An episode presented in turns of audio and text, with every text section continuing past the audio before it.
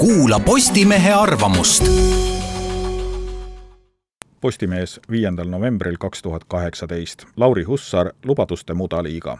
vähem kui neli aastat tagasi lubas tänane peaministri erakond tõsta Eesti miinimumpalga tuhande euroni praegu lahutab meid sellest eesmärgist veel kõigest pool summast ehk viissada eurot. nelja aastaga täideti valimislubadusest tervelt kümme protsenti. kogu toonane õõnes retoorika riiklikust palgapoliitika reguleerimisest on unustuse hõlma vajunud. teine valitsuserakond, Sotsiaaldemokraatlik Erakond, lubas kaheksa aastat tagasi suure õhinaga ehitada neljarealise tee Tallinnast Luhamaani. praegu oleme tee-ehitusega jõudnud vaevalt Aarduni kahe tuhande seitsmendal aastal raius Andrus Ansip end eestlaste mällu lubadusega viia Eesti viieteist aastaga Euroopa viie rikkaima riigi sekka.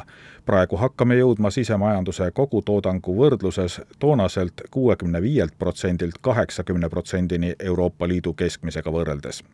Piimajõgede ja pudrumägede lubamisel ei ole erand ka käesolev valimiskampaania üks erakond jagab riigikaitsekuludeks juba teise riigi maksumaksja raha, teine lubab erakorraliselt parandada pensionäride elujärge üle neljandiku võrra, kolmas trumpab pensionitõusu loosungi veel kahekordselt üle kahjuks ei ole padupopulistlikel üle võlli käivatel lubadustel määratudki täituda. Nende puhul huvitab erakondi provokatsioon, tähelepanu ja oma teema kehtestamine. ebarealistlike ja täitumatute lubaduste andmisel lähtutakse üldjuhul loogikast, et valitsuse moodustamiseks on tarvis koalitsiooni, mille tegevusprogrammis lahustub paratamatult suurem osa valimistel välja käidust teravamat kriitikat üritatakse pareerida ka sõnadega, et kampaanias on lubatud unistada ja suurelt mõelda.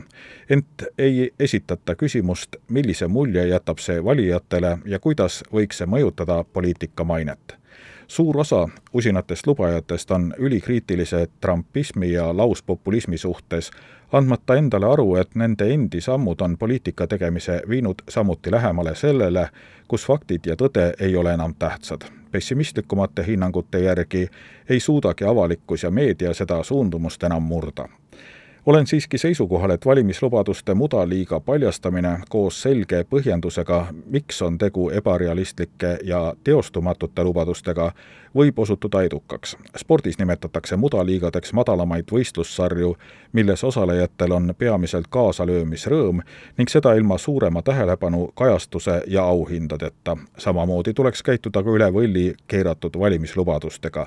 kui neist niikuinii midagi ei sõltu, ei peaks nendest ka rääkima ning kui tulebki tahtmine nende kallal keelt teritada, võiks paljastada lubaduste teostamatuse.